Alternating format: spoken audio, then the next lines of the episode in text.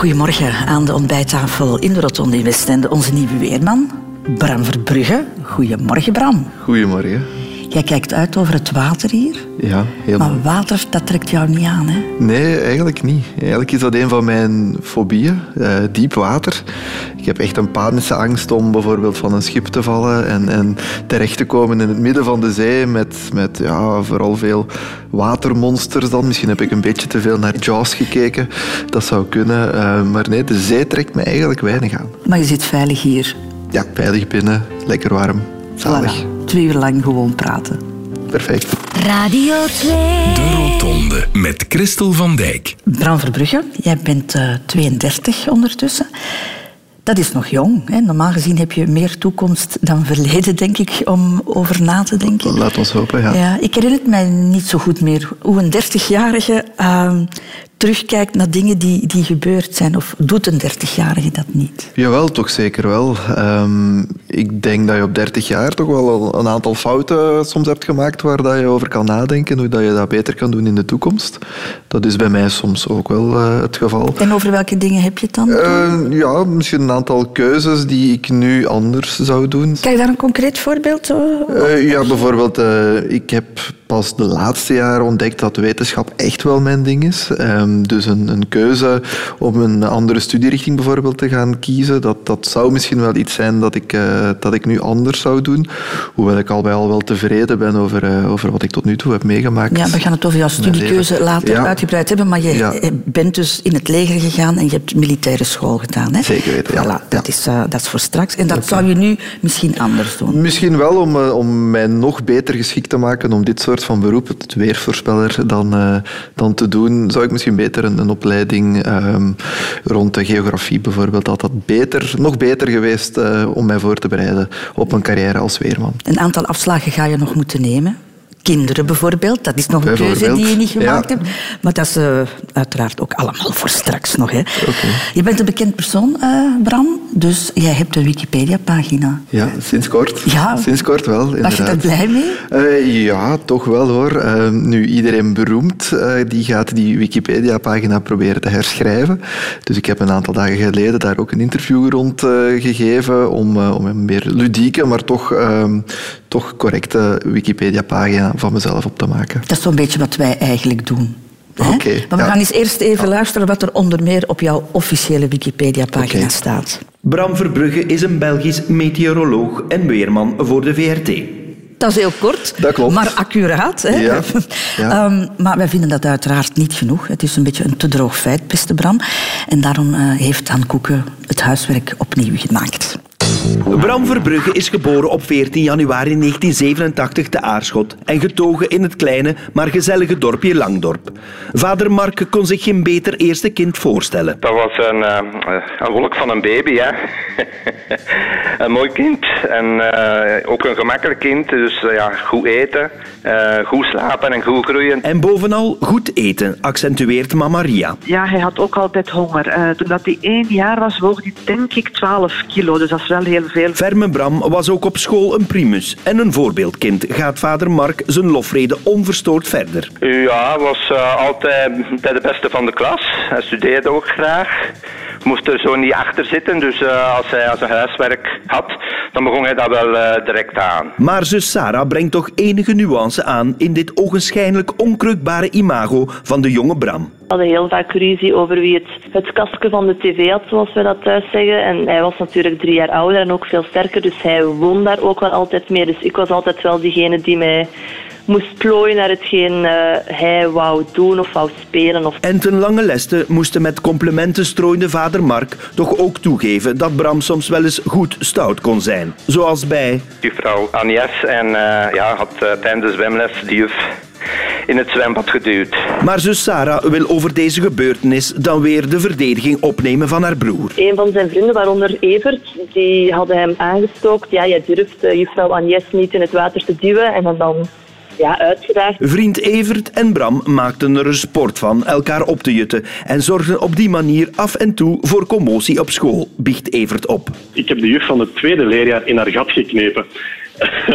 en dat was toen ook een heel grote scène daar in zo'n klein schooltje. Maar ondanks dat kattenkwaad hield Bram de focus. Want al van jongs af aan wist Bram wat hij wou worden. Huivert mama Maria nog steeds. Ja, hij wou uh, ja, F-16-piloot uh, worden. Hè. Dat, uh, dat was zijn grote droom. Ik als moeder vond dat eigenlijk niet zo, zo leuk. Want dat is toch eigenlijk, ja, die opdrachten die je moet doen, is, is uiteindelijk bommen droppen op, uh, op mensen. Hè. Maar ja, hij wou dat absoluut doen. Op zijn achttiende trok Bram naar de militaire school in Brussel. Maar na een paar jaar ontdekte ze gehoorproblemen en zag hij zijn grote droom in rook opgaan.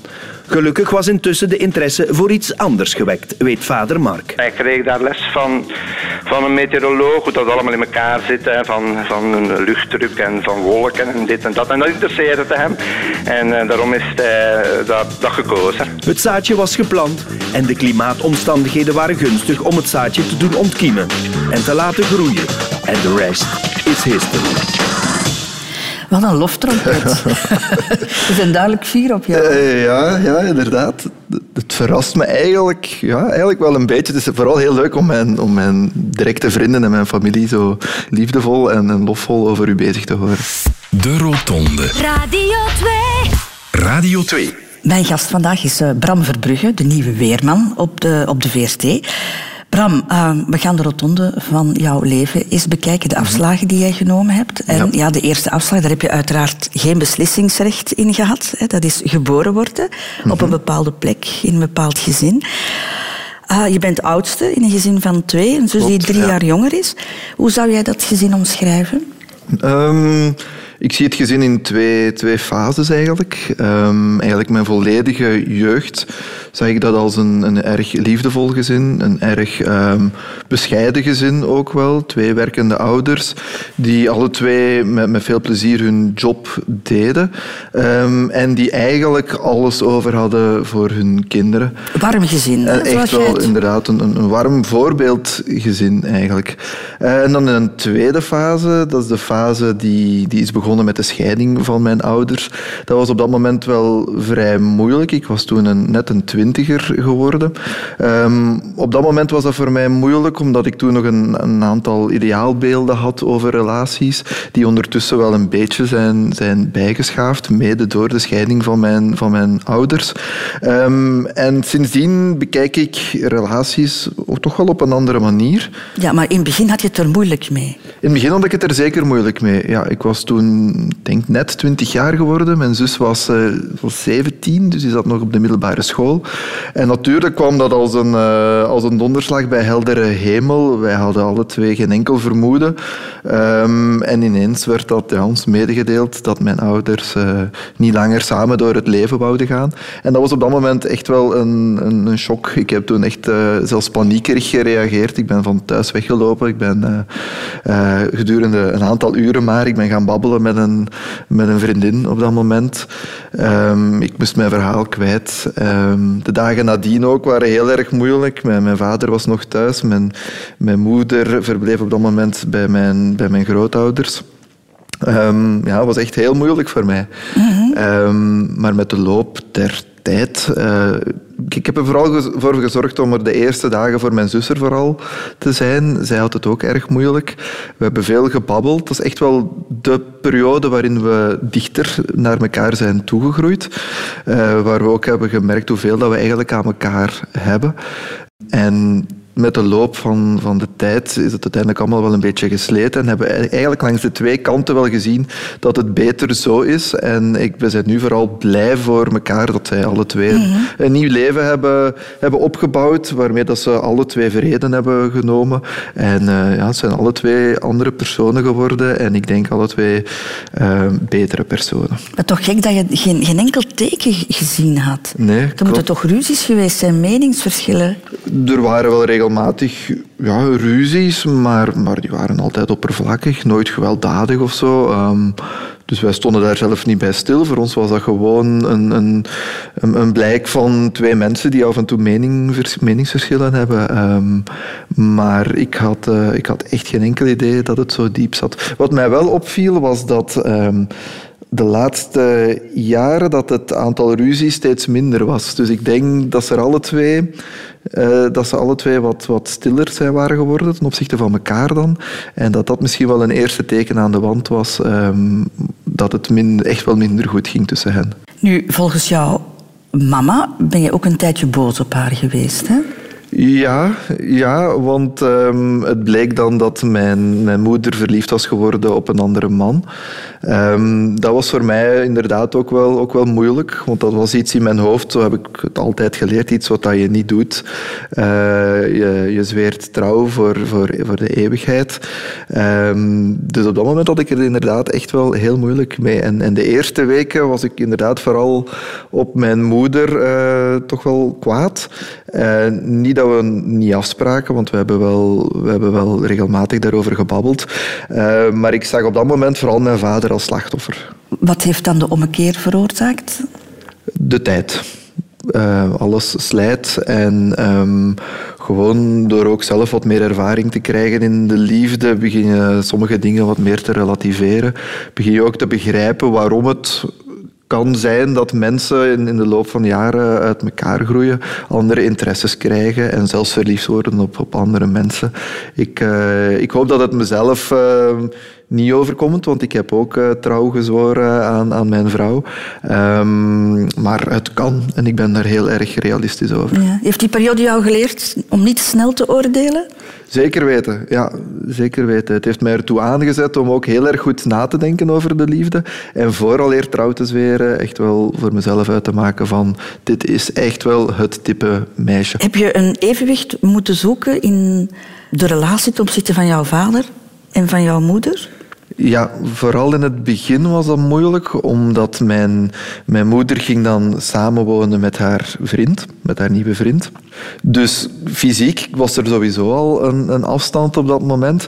En mijn zus en ik, we hebben er alle twee voor gekozen om in het ouderlijke huis te blijven. Het huis waar we zijn opgegroeid, in Langdorp, met al onze vrienden rondom ons. Dus gewoon eigenlijk vooral om praktische overwegingen. En in het begin was dat wel een moeilijk evenwicht. Nu, we deden wel natuurlijk ons uiterste best, nu nog altijd trouwens, om uh, elk weekend bij mijn moeder op bezoek te gaan of om regelmatig eens met haar iets te, te gaan eten. Maar natuurlijk had mijn moeder het daar eh, op sommige momenten toch wel, mm. toch wel lastig mee, denk ik. Want zoals ik al zei, zeker tot dan waren, waren haar kinderen het, het allerbelangrijkste in haar leven.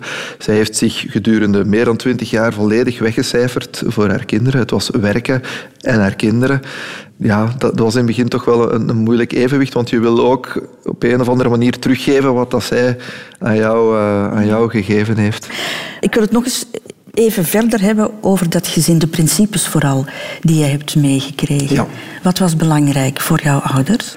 Uh, belangrijk was beleefdheid, uh, respect voor uw ouders, voor uw familie. Dat is er echt wel, wel ingedramd uh, geweest. Ik ben vrij streng opgevoed, uh, vond ik op het moment zelf. Maar als ik er nu over terugdenk, denk ik eigenlijk dat, dat ik de, de normen en de waarden die ik heb geleerd, dat ik die ook zou willen meegeven aan mijn, aan mijn kinderen. Mhm. Dus uh, ik denk dat de manier waarop ik mijn eventueel latere kinderen uh, zou opvoeden, dat dat heel erg aansluitend zou zijn op de manier waarop ik zelf ben opgevoed. Ik ben wat vond jij streng? Wat, wat, wat, was er streng? Ja, echt wel discipline. Um, thuiskomen betekende je jas op de juiste plaats hangen, je boekentas op de juiste plaats zetten, uh, meteen aan tafel komen wanneer het gevraagd werd, geen vijf minuten uitstel vragen, altijd beleefd zijn ten opzichte van je ouders.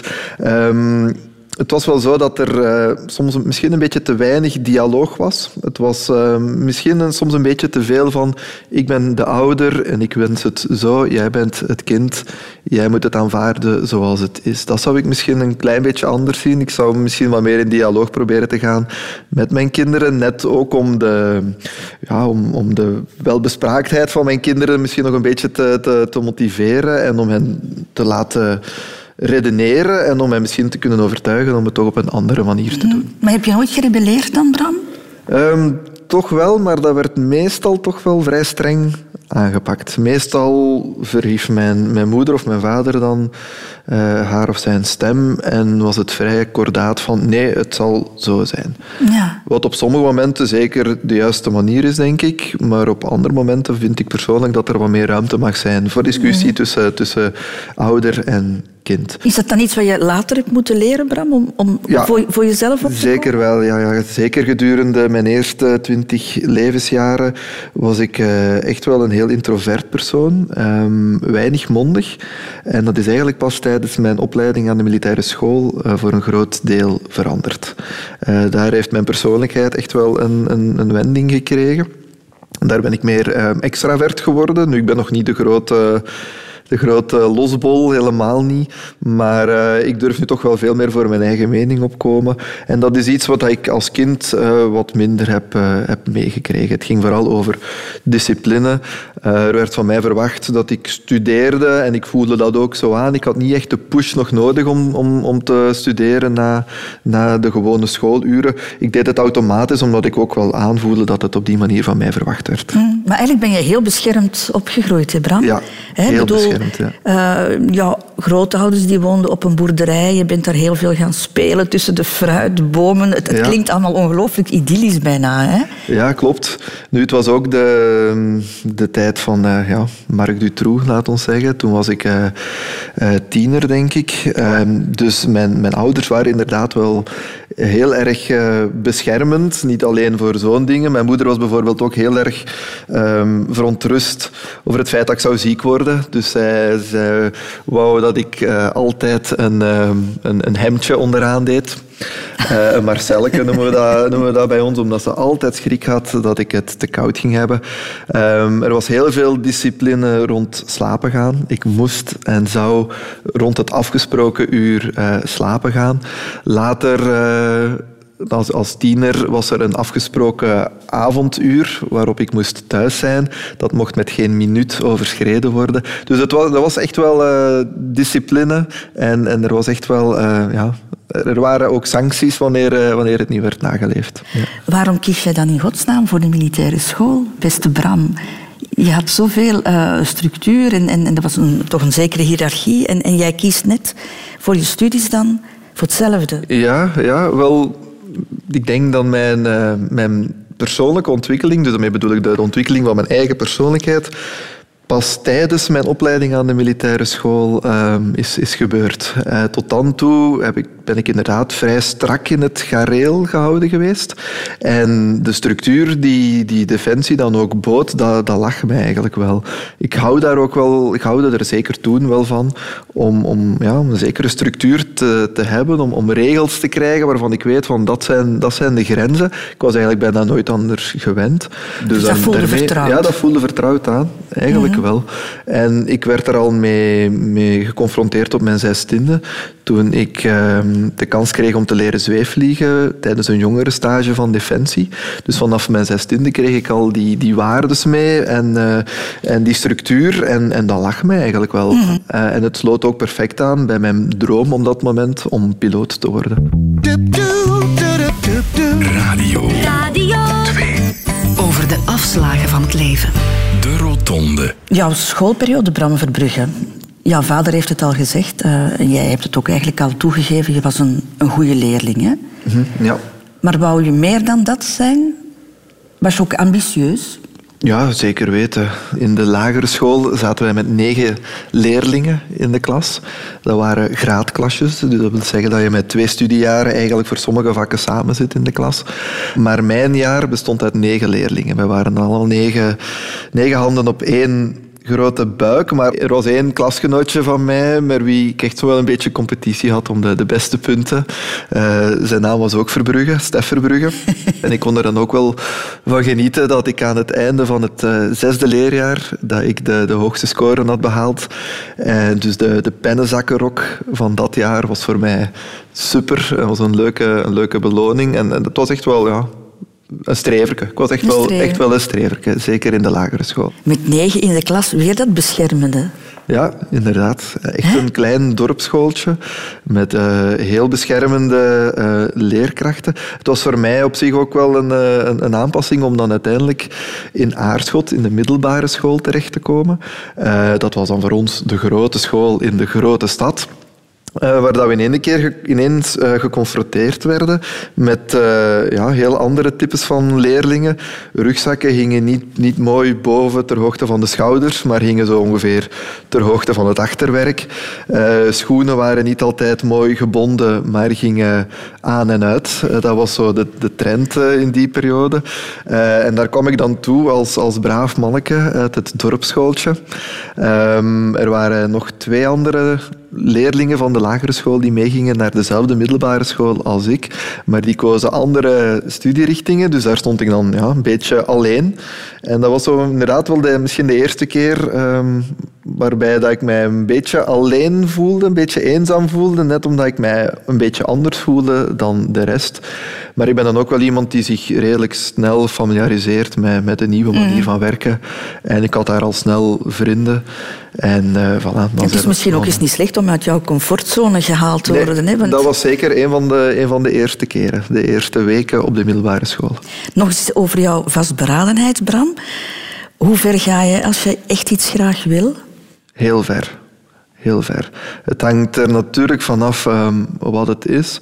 De meeste uitdagingen de, de laatste tijd draaien rond sport ja, dan ga ik, zoals ze zeggen, tot aan het gaatje. Ik ga tot, tot wanneer ik erbij neerval. Ik heb bijvoorbeeld uh, een, tijdje geleden een marathon gelopen. Uh, ondanks het feit dat ik uh, een overbelaste heup heb, ben ik toch gestart. En, en, en ik ben dan zo vastberaden. Ik loop dan niet meer op fysieke conditie, maar op vastberadenheid. En dan loop ik hem gewoon uit. Dat is ook grenzen verleggen. Heb je dat nodig? Ja, zeker weten. Ik, ik ben iemand die, die van adrenaline houdt, die, die graag nieuwe uitdagingen heeft, die uitdagingen ook voor 100% aangaat. Ze zijn wel altijd realistisch, de uitdagingen. Uh, Mount Everest bijvoorbeeld zou mij wel interesseren, maar dat is iets dat, dat ik te uh, onrealistisch eigenlijk vind. Te lage slaagkans om zoiets aan te vatten. Dus ik ben wel realistisch in mijn uitdagingen, maar ik ga er altijd voor 100% voor. Als je voor jezelf de lat zo hoog legt, doe je dat dan voor anderen ook? Dat hangt er een beetje vanaf. Um, zeker in een professioneel kader, een professionele omgeving, verwacht ik wel soms bepaalde dingen van, van mensen. En dan ga ik er ook vanuit dat zij dat doen en daarvoor dezelfde gedrevenheid aan de dag kunnen leggen als ik zelf uh, doe. Um, maar in een meer uh, niet in, in, een lossere situatie dan, uh, dan helemaal niet. Mm. Hoe graag wou jij de nieuwe weerman worden? Heel graag. Um, dat is eigenlijk een droom die, die pas een aantal jaren geleden begon. Um, heel afwachtend ook, omdat ik um, ook niet, niet wist van, ja, is er een behoefte aan een nieuwe weerman?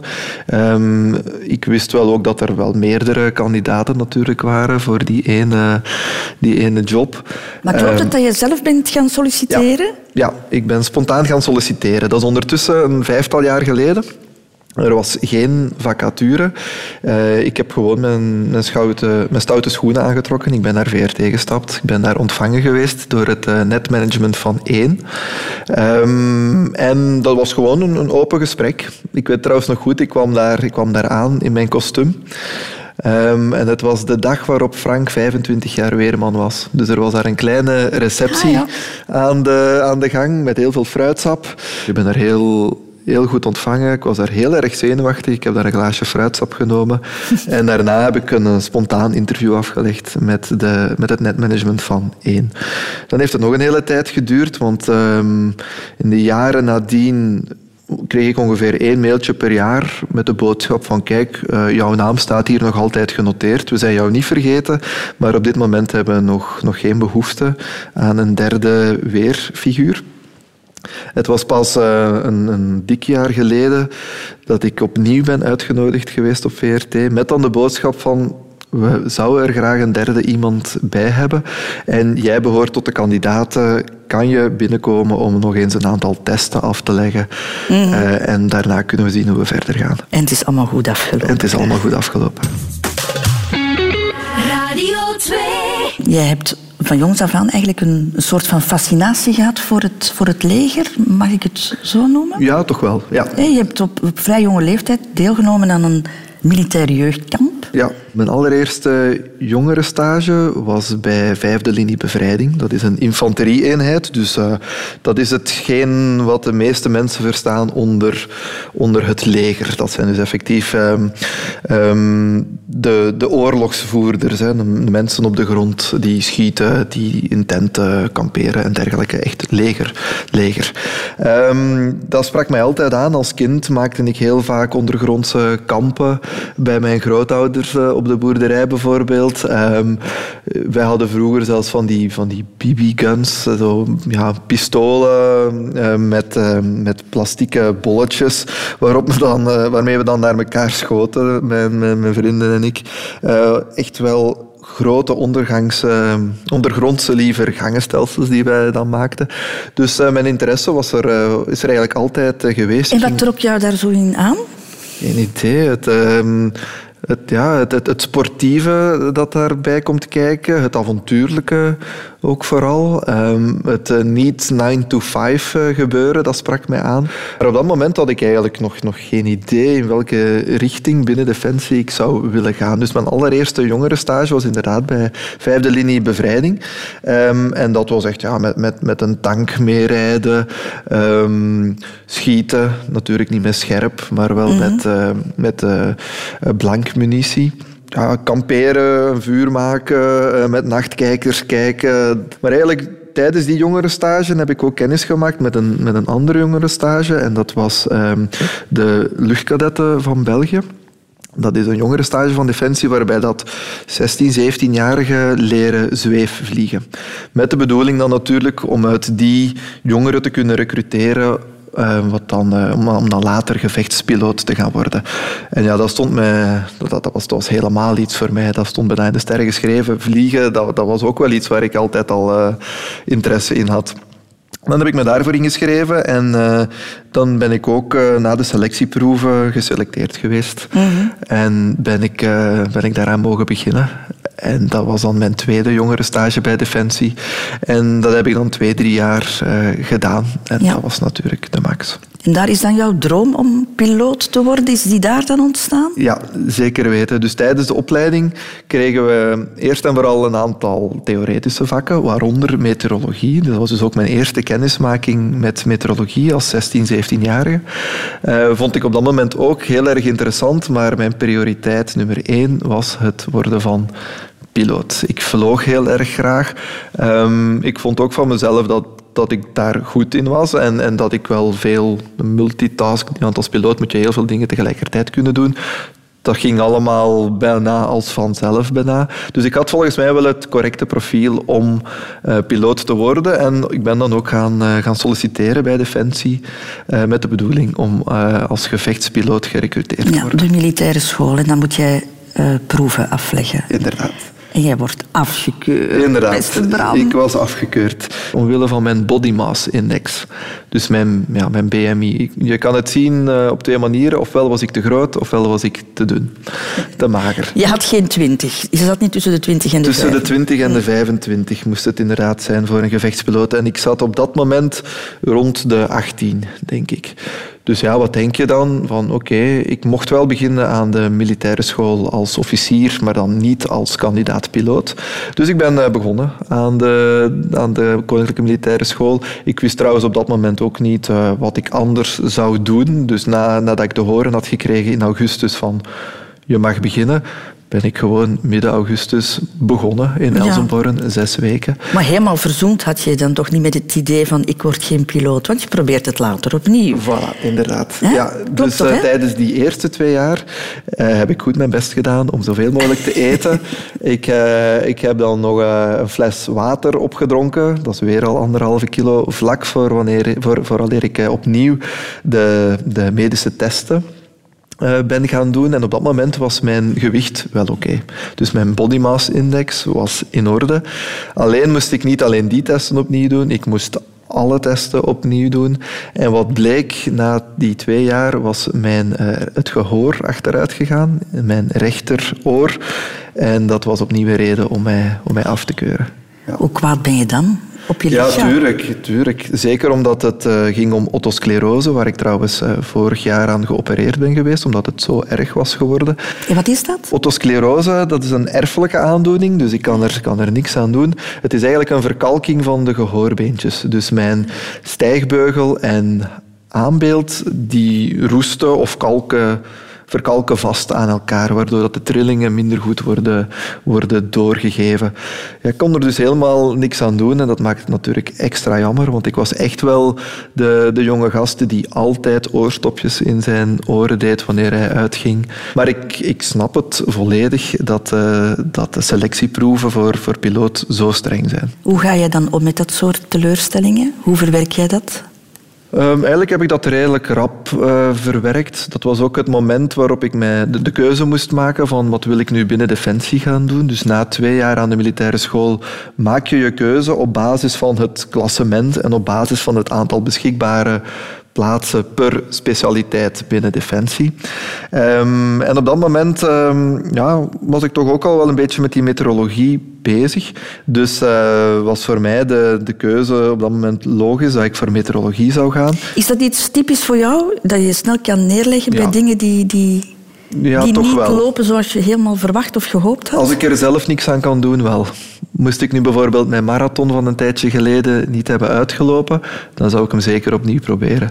Maar uh, als ik er echt niks aan kan doen, in dit geval een genetische afwijking, ja, dan, wat kan je anders doen dan je daarbij neerleggen? Um, het is nu eenmaal zo.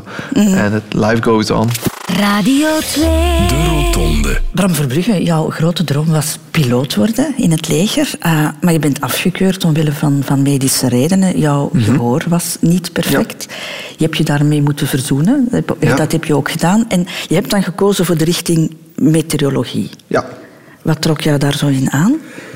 Wel, eigenlijk is het allemaal begonnen tijdens mijn uh, opleiding tot zweefpiloot. Dus ik kreeg niet alleen een aantal lessen meteorologie, theorielessen, die trouwens gegeven werden door een fantastische man. We noemden hem Major Jos. Um, die is mij altijd bijgebleven. Die kon heel gepassioneerd daarover vertellen. Dus dat vond ik heel leuk. Maar daarna leerde ik ook effectief vliegen. En dan maakte ik kennis met de kracht van de, van de natuur. Dus onder zo'n een, een stapelwolk, een cumuluswolk hangen, met een zweefvliegtuig en omhoog gezogen worden dat maakt echt wel een indruk. Ook geconfronteerd worden met mogelijke gevaren. Uh, de wind die bijvoorbeeld, ja, we noemen dat crosswind, de wind die schuin zit wanneer je landt en dan moet je heel andere, op een heel andere manier gaan aanvliegen. Ik vond dat allemaal heel erg interessant. En het feit dat je dat kan voorspellen, dat vond ik ook net, net zo leuk. En was het ook meteen duidelijk dat je daar je beroep van ging maken? Nee, dat helemaal niet. Dus ik ben op mijn 18 jaar binnengegaan aan de, op de Koninklijke Militaire School. En pas na twee jaar mochten wij onze specialiteit kiezen. Er was maar één plaatsje meteorologie beschikbaar dat jaar. Toevallig voor een Nederlandstalige, want elk jaar was dat afwisselend voor een Franstalige en een Nederlandstalige. Dus ik had geluk. Fijn, geluk. Het is daar zo, er is een hele lijst van openstaande plaatsen. En diegene die boven staat aan het klassement. Dus er wordt een ranking opgemaakt op basis van punten. Diegene die eerst staat, mag eerst kiezen. Ik stond vrij bovenaan, gelukkig maar, want er waren een aantal mensen die ook interesse, interesse hadden in die ene plaats meteorologie. Die stonden gelukkig allemaal onder mij. Uh, en ik ben dus de gelukkige die die ene plaats heeft. Uh, heb je daar hard voor gewerkt ook? Om... Uh, ik heb daar inderdaad wel hard voor gewerkt. Ja. De punten waren gebaseerd op zowel academische resultaten, dus de, de studeerpunten, als ook punten op sport. Onder andere 10 kilometer lopen, optrekken, touwklimmen, zwemmen, karakteriële punten, dus hoe je je dagdagelijks daar gedraagt. En dan nog de punten die we kregen op de militaire stages. Ik zeg stel voor dat dat ook mislukt was. Inderdaad, degene die, degene die laatst staat, die moet pakken wat er overschiet. Ja. En dan ga je daarna nog naar Engeland ook, om, om, om ja. nog eens voor te studeren. Dus ja, het is pas aan het einde van de militaire school dat Defensie mij naar Exeter gestuurd heeft, naar de Met Office, waar ik dan uiteindelijk een gespecialiseerde opleiding tot meteoroloog heb gekregen. Ja, en je hebt dan gewerkt ook hè, als militair meteoroloog. Ja. Ja. Dat is dus voorspellingen doen. Dat is voorspellingen doen, ja. Voor allerhande militaire ja, klanten, laat ons maar zeggen. Gaande van gevechtspiloten tot parachutisten, tot duikers, tot eh, mensen van de marine die eender waar in, in de wereld of op de wereld eh, in operatie zijn. Dat is toch wel een grote verantwoordelijkheid. Dat is inderdaad een grote verantwoordelijkheid en dat maakt het net ook heel erg interessant, want elke klant heeft heel erg specifieke behoeften. Bijvoorbeeld voor iemand van de, van de eh, een parachutist bijvoorbeeld is de wind heel erg belangrijk. Terwijl voor een F-16-piloot is de wind iets minder belangrijk. Die, die moet vooral weten eh, hoe het met de wolken gesteld is, hoe hoog die wolken hangen. Die, die stelt dan bijvoorbeeld vragen van ik ga vandaag vliegen op 15.000 voet. Ik moet een bom gaan droppen. Ga ik daar in het noorden van Afghanistan de grond kunnen zien? Dat zijn het type van vragen die je krijgt als militair weersvoorspeller. Dus echt wel heel gedetailleerde en soms moeilijke vragen. Ja, want je bent dan naar oorlogsgebied getrokken. Hè? In 2013 ben je naar Afghanistan, naar Kandahar Ja, gegaan. klopt. Vijf maanden als Belgisch lid van, van de NAVO. Ja, klopt. Ik heb daar gewerkt in, eh, in de NATO Ops Center. Ehm, dat is eigenlijk het kloppende hart van de luchtmachtbasis van Kandahar. Op dat moment was dat de drukste luchthaven ter wereld. Eh, dus heel erg veel eh, ja, klanten, noem ik dat dan. Heel erg veel piloten die om informatie vroegen. En ik was daar eigenlijk als enige niet-Amerikaan ehm, die deel uitmaakte van de NAVO. Dus al mijn collega's daar waren Amerikaan. Wat dus ook wel wou zeggen dat de typische NAVO-briefing, die daar elke ochtend werd gegeven aan het commando van het kamp, dat die door mij werd gegeven. De, dat maakte ook dat mijn dagen daar heel erg lang waren. Ik werkte daar zeven dagen op zeven zonder één dag eh, vrij af, van 12 uur s'nachts tot 12 uur 's middags. S'nachts? 12 uur s'nachts tot 12 uur 's middags. Dus om 12 uur s ochtends, nee, 12 uur s'nachts liever, ehm, nam ik mijn ontbijt. En dan begon ik aan mijn voorspelling. Om dan uiteindelijk rond 6, 7 uur al mijn voorspellingen klaar te hebben voor al mijn verschillende klanten, heel veel verschillende klanten. Om dan om 8 uur de briefing te gaan geven. Om dan nog vier uur lang mee het weer eh, waar te nemen. En om 12 uur 's middags had ik gedaan. Dus eh, jij moet beslissingen nemen of het verstandig is om op te stijgen om bommen te gaan gooien, zoals jouw Ja. moeder het zei. Want Ja. jouw moeder vond dat niet zo'n leuk idee. Nee, dat is ook zo. Nu, een weersvoorspeller neemt nooit de beslissing. Een weersvoorspeller geeft advies. Het is de piloot of eh, het, het commando die de beslissing neemt om een operatie te laten doorgaan. En zo heb ik bijvoorbeeld wel een... eh, op basis van mijn advies is er wel een, een, groot grondoffensief in het zuiden van Afghanistan geannuleerd geweest. Dus dat waren wel eh, bange momenten voor mij. Het is daar meestal heel erg mooi weer, met eh, veel zonneschijn, af en toe een zandstorm. En eh, de Amerikanen wouden daar een groot grondoffensief op een bepaald moment gaan uitvoeren. Maar als er een grondoffensief is, dan is er altijd steun vanuit de lucht. Close air support noemen we dat.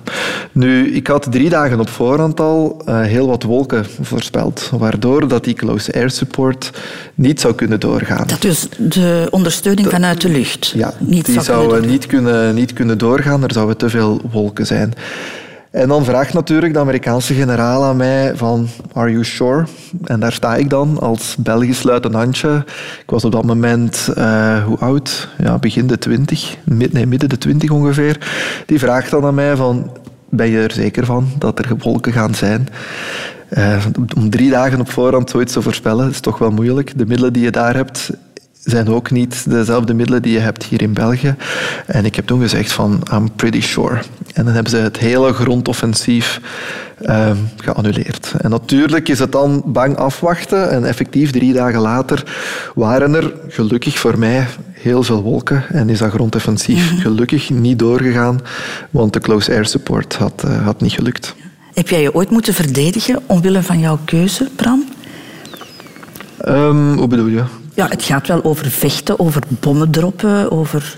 Ja, ehm, ik, ik praat mezelf dan een beetje goed van... Ik, ik, ik sta vooral in voor veiligheid. Dus in eerste instantie is een meteoroloog eh, een onderdeel van, van veiligheid. Ehm, wij waarschuwen voor, voor hevige winden, voor onweer, voor al hetgeen wat dat gevaarlijk kan zijn voor piloten, voor parachutisten, voor mensen van de marine. Ehm, dus zo praat ik mezelf soms goed. Ik vind niet van mezelf dat ik doden op mijn eh, geweten heb. Ehm, en daarmee dat ik ook achteraf gezien misschien niet, niet echt uh, ongelukkig ben dat ik geen piloot ben geworden, geen gevechtspiloot ben geworden.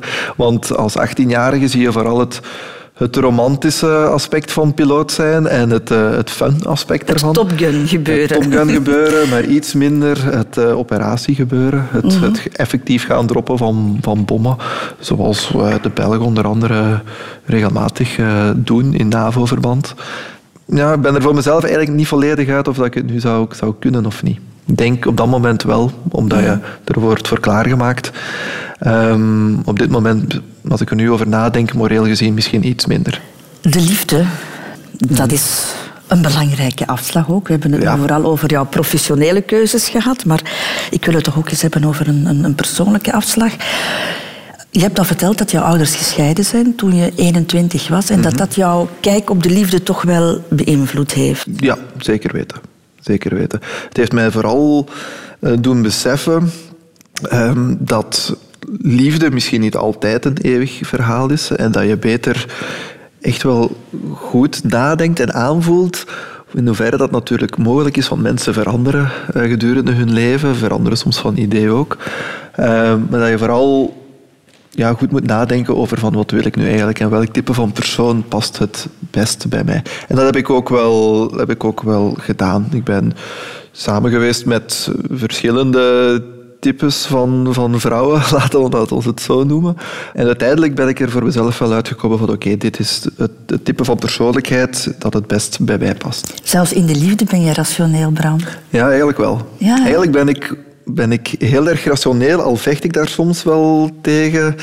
En zou ik soms iets minder rationeel willen zijn. En wat is het type vrouw waarvan jij vindt dat ze matcht met jou? Wel, bij mij past het, het, het best iemand die sportief is, die op dezelfde manier in het leven staat als ik, die, die hetzelfde denkt over de, over de dingen als ik natuurlijk. Maar vooral het, het, sportieve vind ik, vind ik echt wel heel belangrijk, het avontuurlijke ook. Um, Iemand die, die zichzelf verzorgt, maar daar ook niet in, in, in overdrijft. En vooral iemand waarmee dat ik goed kan babbelen, waar, dat ik, waar, waar ik mijn, mijn hart kan tegenluchten, die naar mij luistert, mm -hmm. uh, die ook haar verhaal doet en, en, en alles met mij deelt. Dat vind ik echt uh, heel belangrijk. Ja, maar nu zeg je praten en, en openlijk dingen zeggen. Ja. Dat had jij toch niet als kind? Nee, helemaal niet. Maar nu heb ik daar echt wel behoefte aan elke dag wanneer ik thuis kom, dan moet ik gedurende een aantal minuten mijn seksje kunnen doen. Mijn, mijn dag overlopen met, uh, met Lien, met mijn vrouw. Um, gewoon, dat moet, er even uit. En, en dan heb ik gewoon nood aan een luisterend oor. En ja, zij doet dat, zij doet dat fantastisch. En zij vertelt daarna meestal ook over, over haar dag. Al moet ik er soms wel een beetje zo aan, aan trekken. Zo van, hoe was het nu bij u? Vertelt eens iets. Maar ja, ik vind, ik vind het gewoon super dat ze elke dag naar mij kan luisteren. En, en mij soms ook kan, kan troosten of een beetje kan sussen. Als ik bijvoorbeeld weer kwaad ben op mezelf, omdat ik me, mezelf drie keer heb versproken tijdens een radioweerbericht, uh, dan, kan ze zo, dan kan ze dat relativeren in mijn plaats. Was je zelf zeker als jonge kerel? Nee. Op dat gebied, nee? Nee. Als tiener, ja, zeker niet. Oké, okay, op dat moment was er natuurlijk ook nog niet echt veel sprake van, uh, sprake van meisjes of zo. Um, als twintiger op de militaire school is mijn zelfzekerheid op vlak van, van, van meisjes wel gegroeid. Wij gingen regelmatig uit. Dat was dan natuurlijk met een, een groepje bestaande voornamelijk uit mannen. Uh, in uniform? Niet in uniform, nee. Dat zouden we, dat zouden we nooit doen. Uh, mag trouwens ook niet meer. Um, dus wij gingen dan uit in een groepje van mannen. En ja, dan, dat is natuurlijk ook uh, leuk dan als je een groepje vrouwen tegenkomt. Dat is een beetje uitdagend dan. Dus tijdens die periode is mijn, mijn zelfverzekerdheid wel, wel wat gegroeid. Ik was geen grote flirter. Ik kon wel genieten van, van aandacht, uh, maar echt zo veel flirten deed ik niet tijdens mijn studentenjaar. Ik had uh, wel een aantal vaste relaties van, van, ja, van langere periodes, meestal meerdere maanden, um, maar dan, dan sprong dat weer af. Dus daar was jij ook al gedisciplineerd in? Uh, ja, eigenlijk wel. Eigenlijk Rationeel, wel. gedisciplineerd op alle gebieden. Ik heb eigenlijk maar één periode gehad, en daar ga je het waarschijnlijk straks nog wel over hebben. Eén periode in mijn leven waarop ik iets minder gedisciplineerd was, ook op vlak van relaties. Um, en dat was eigenlijk vlak na mijn uh, Afghanistan-avontuur. Daar heb ik een half jaar loopbaanonderbreking genomen. Ja. Het was eigenlijk rond die periode ook dat, uh, ja, dat ik net uit een, eh, een langere vaste relatie kwam. Um, mijn ouders waren dan ondertussen ook gescheiden. Ik had dan andere ideeën over de liefde. Dat was een, een iets, uh, ja, iets minder rationele periode. Ja. Je bent getrouwd, Bram. Ja. Vond je dat belangrijk? Um, ja. Om die stap te zetten, om dat trouwen, dat tekenen ja, ik geloof, uh, ik geloof nog steeds in, in, uh, in monogamie. In, uh, in het feit dat het kan lukken tussen, tussen een man en een vrouw. Ik ben ook 100% overtuigd van, van mijn relatie. En dat als ik, als ik voorbestemd ben om met één iemand mijn ganse leven samen te blijven, dat het wel degelijk met haar is. Mm um, dus op dat vlak ben ik, ja, ben ik echt wel gerust. Ik denk dat ik op mijn twee oren kan slapen. Ik maar je had ook kunnen samenwonen, maar jij wou per se die stap zetten. Ja, um, nu, de, de wettelijke trouw, ik ben enkel voor de wet getrouwd, was eigenlijk ook wel een gevolg van een, uh, een nieuw avontuur dat we een aantal jaren geleden wouden starten, namelijk een verbouwing. En om een aantal financiële aspecten te regelen, um, was het de, de, beste oplossing om een huwelijkscontract af te sluiten. Nu willen we sowieso trouwen. Trouwen stond zeker op de agenda. Maar uiteindelijk is het allemaal vrij snel gegaan, net om dat huwelijkscontract kunnen, kunnen aan te gaan. Maar we hebben wel beloofd uh, aan elkaar en aan onze vrienden dat een groot feest zou volgen, vijf jaar na de, na de officiële trouw. Met een soort van ceremonieel gebeuren. Dat moet nog gebeuren. Dat moet nog gebeuren. En kinderen, Bram, Passen die op de rotonde van jouw leven? Ja, die staan, uh, die staan op de agenda. Um, we, zijn, we zijn het daarover eens. Alleen op dit moment uh, nog niet. Mijn vrouw is uh, vijf jaar jonger. -hmm. Zij geeft les en dat is op dit moment nog een beetje een, een onzekere situatie. Het aantal lesuren dat ze elk jaar kan krijgen. De school waarin dat ze staat, het is nog niet allemaal zo zeker en we willen daar eigenlijk eerst wel wat zekerheid rond hebben, vooraleer dat we een, een nieuw avontuur kinderen aangaan. Ook ons verbouwingsavontuur is net afgerond. Uh, dus nu zou het in ons hoofd wel, wel kunnen. De planning zit goed. Voilà, het is inderdaad weer al gepland. Het is ja. gepland. De Rotonde. Radio 2. Radio 2. In 2014 doe jij iets wat ik heel vreemd vind en niet passend bij jouw persoonlijkheid. Ja. Jij neemt een half jaar loopbaanonderbreking en jij gaat een half jaar reizen in Azië. Ja, klopt. Wat was daar de trigger? De drang naar avontuur, weer al. Dat is eigenlijk de rode draad door mijn leven. Ik, ik zie alles als een avontuur, een, een verbouwing, een reis, een, een, militaire zending. Ik zie het als uitdagingen, eh, of ik noem het ook avonturen. De, de grootste motivatie daaromtrent was eigenlijk mijn periode in Afghanistan. Daar had ik het idee van, ik leef hier nu bijna een half jaar heel erg intensief voor mijn job. Ja, het was zeven dagen op zeven. Zeven dagen op zeven, twaalf uur, per dag. Um, ik had zoiets van, nu is het tijd voor mezelf. Um, ook qua planning weer al kwam het ideaal uit, want mijn, mijn vriendin op dat moment, mijn huidige vrouw, die ging gedurende die periode haar eh, stage doen in Vietnam. Gedurende een vier à vijf maanden. Dus uh, zij zou toch weg zijn. Um, en daarom heb ik de beslissing genomen van kijk, ik ga ook op reis. Daar ben ik eigenlijk eh, de persoon geweest die, die ik altijd al wat meer had willen zijn. Iets minder gepland. Um, wel goed georganiseerd. Ik, ik, wist op elk moment wel waar ik naartoe ging, van waar ik kwam, waar ik naartoe ging, wat ik wou zien. Dat wist ik wel in grote lijnen, maar mijn, mijn slaapplaats was uh, niet altijd geregeld elke dag. Mijn vervoer was uh, niet elke dag geregeld, was ter plaatse allemaal te, te ontdekken. En uh, daarvoor heb ik ook, daarom heb ik ook gekozen voor Azië, omdat daar echt wel een, een backpacking cultuur heerst. Het is daar vrij gemakkelijk ook om, om rond te trekken, om veel mensen te ontmoeten. Dat was ook wel uh, een van de, de, toffe dingen daaraan.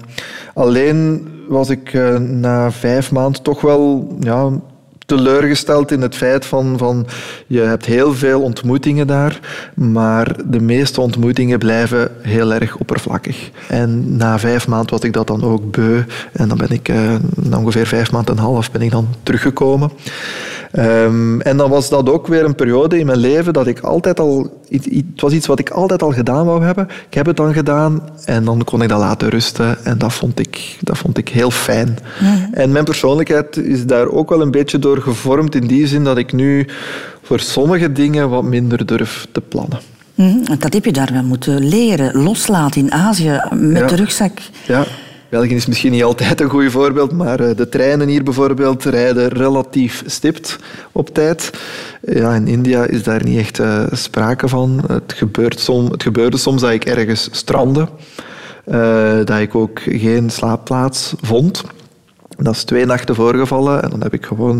dan ging ik ergens naar een, een, een soort landelijk gebied en dan, ik heb in een maïsveld een keer een nacht geslapen. Ik heb een keer in, uh, op de grond in een bushokje geslapen, wel met een aantal andere mensen die het daar ook gestrand waren. Maar was het makkelijk om de knop om te draaien? Nee, dat was niet zo makkelijk. Helemaal niet. Nee. Wat ik daar wel deed, was uh, couchsurfing. Dus dat is eigenlijk een, um, ja, een, een, organisatie, laat ons zeggen, waarbij mensen hun, hun zetel ter beschikking stellen van backpackers, zoals ik zelf. Dus ik kwam meestal wel terecht bij mensen um, die open stonden voor, voor ja, alternatieve toeristen, laat ons zeggen. En uh, het voordeel was dat je dan direct bij locals was. Dus ik zag ook de niet-toeristische kanten van de landen, vond ik heel erg belangrijk. Ik maakte ook direct kennis met, met lokale leeftijdsgenoten mhm. die mij meenamen naar lokaal interessante dingen, naar pubs bijvoorbeeld, eh, naar de, de leuke plaatsen om iets te gaan eten, naar de niet al te toeristische activiteiten. En er zijn een heel wat vriendschappen uit ontstaan. Uh, zoals er bijvoorbeeld uh, twee jaar geleden is een, een ja, een couchsurfer waarmee ik heb kennis gemaakt in India. Die is mij komen bezoeken hier in België. Ah, en die is dan twee dagen op mijn couch komen surfen. Ja. Nu, je ontmoet mensen, maar je bent toch ook heel veel alleen tijdens zo'n reis? Ja, zeker wel. Gelukkig is er dan Skype bijvoorbeeld, waarmee ik dan toch een beetje contact uh, kon houden met mijn, met mijn toenmalige vriendin, mijn huidige vrouw. Maar voor jezelf, want je bent dan alleen met jezelf. Ja, maar dat is best oké.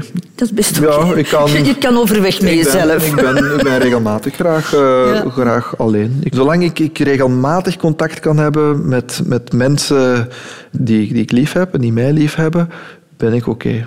Ik, heb wel, ik heb wel wat aandacht nodig. Ik heb wel zo dagelijks zelfs een, een babbel nodig. Vooral met mensen die ik dan goed ken. Maar daarbuiten voel ik mij zelden eenzaam. Ik ben, ik ben wel graag alleen. Je wil graag regelmatig nieuwe dingen, Bram. Heb je soms nog zin om je leven over een andere boeg te gooien?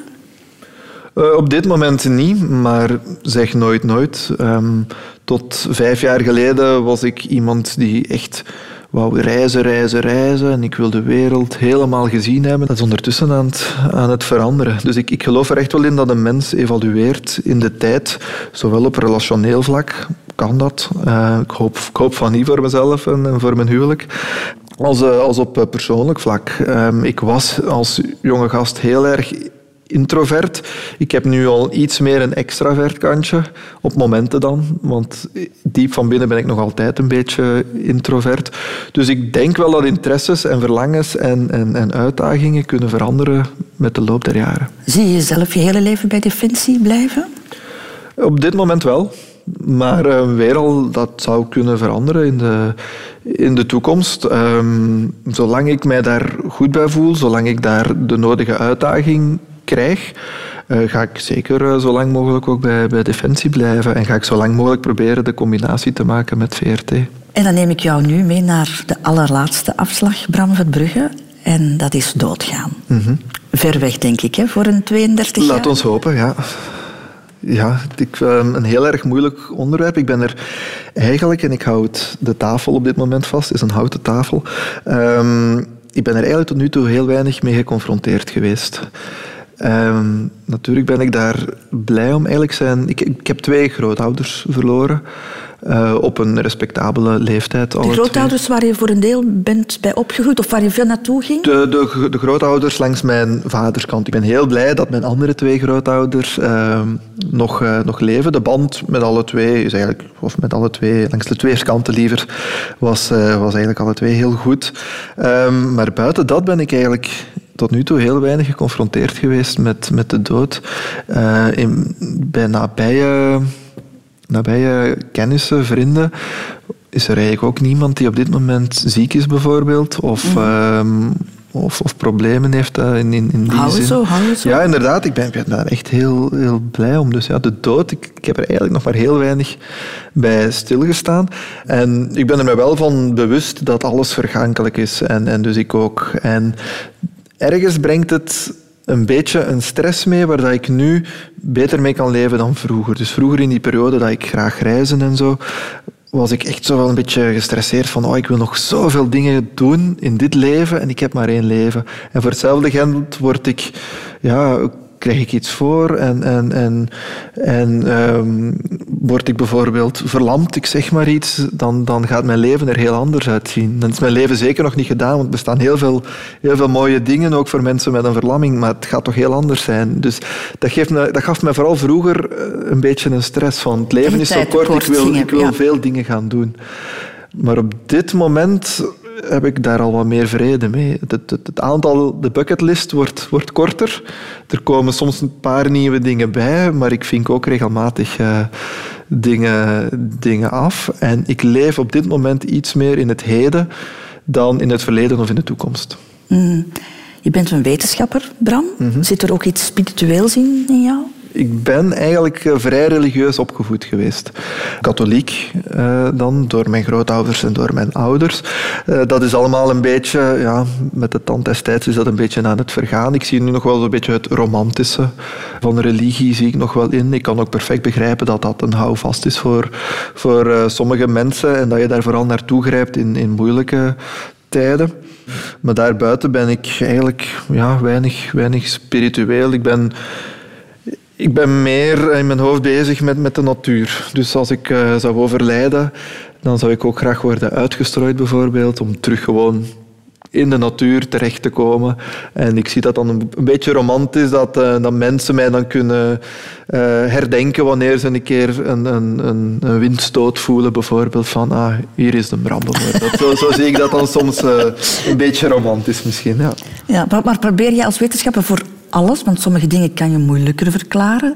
Probeer jij voor alles een, een, een, rationele verklaring te vinden? Ik denk wel dat de meeste dingen rationeel verklaarbaar zijn. De meeste dingen, ik denk dat bijna alles rationeel uh, verklaarbaar is. Dus ja, het, het, geestelijke en zo, ik, ik, uh, ik ben daar minder, minder in thuis. Nu, ik lig daar ook niet van wakker. Ik zie mezelf ook niet als de, de grote wetenschapper of de, de, de specialist, zelfs wat meteorologie betreft. Ik, ik heb daar een, een grondige basiskennis van. Ik kan de meeste dingen wel, wel verklaren, maar ik ben geen geen uh, professor in de meteorologie of geen, geen mm -hmm. specialist daarin.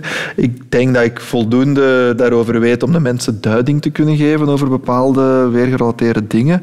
Maar uh, als het gaat bijvoorbeeld over, over droogte, over klimatologie, dan zie ik mezelf niet als het aanspreekpunt uh, daaromtrent.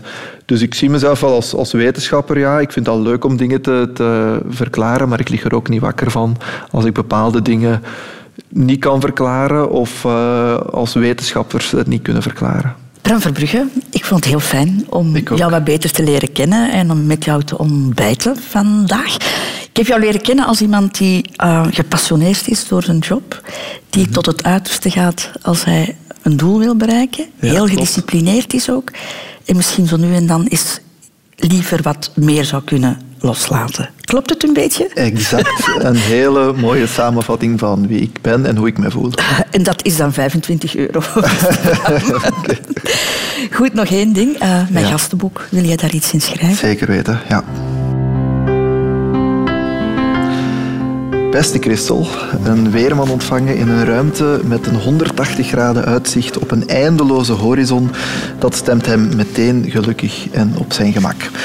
Buiten regen en wind, maar binnen warmte en gezelligheid. Ik voelde me vereerd om als 32-jarige uitgenodigd te worden in jouw programma. Dank je wel. Weerman Bram.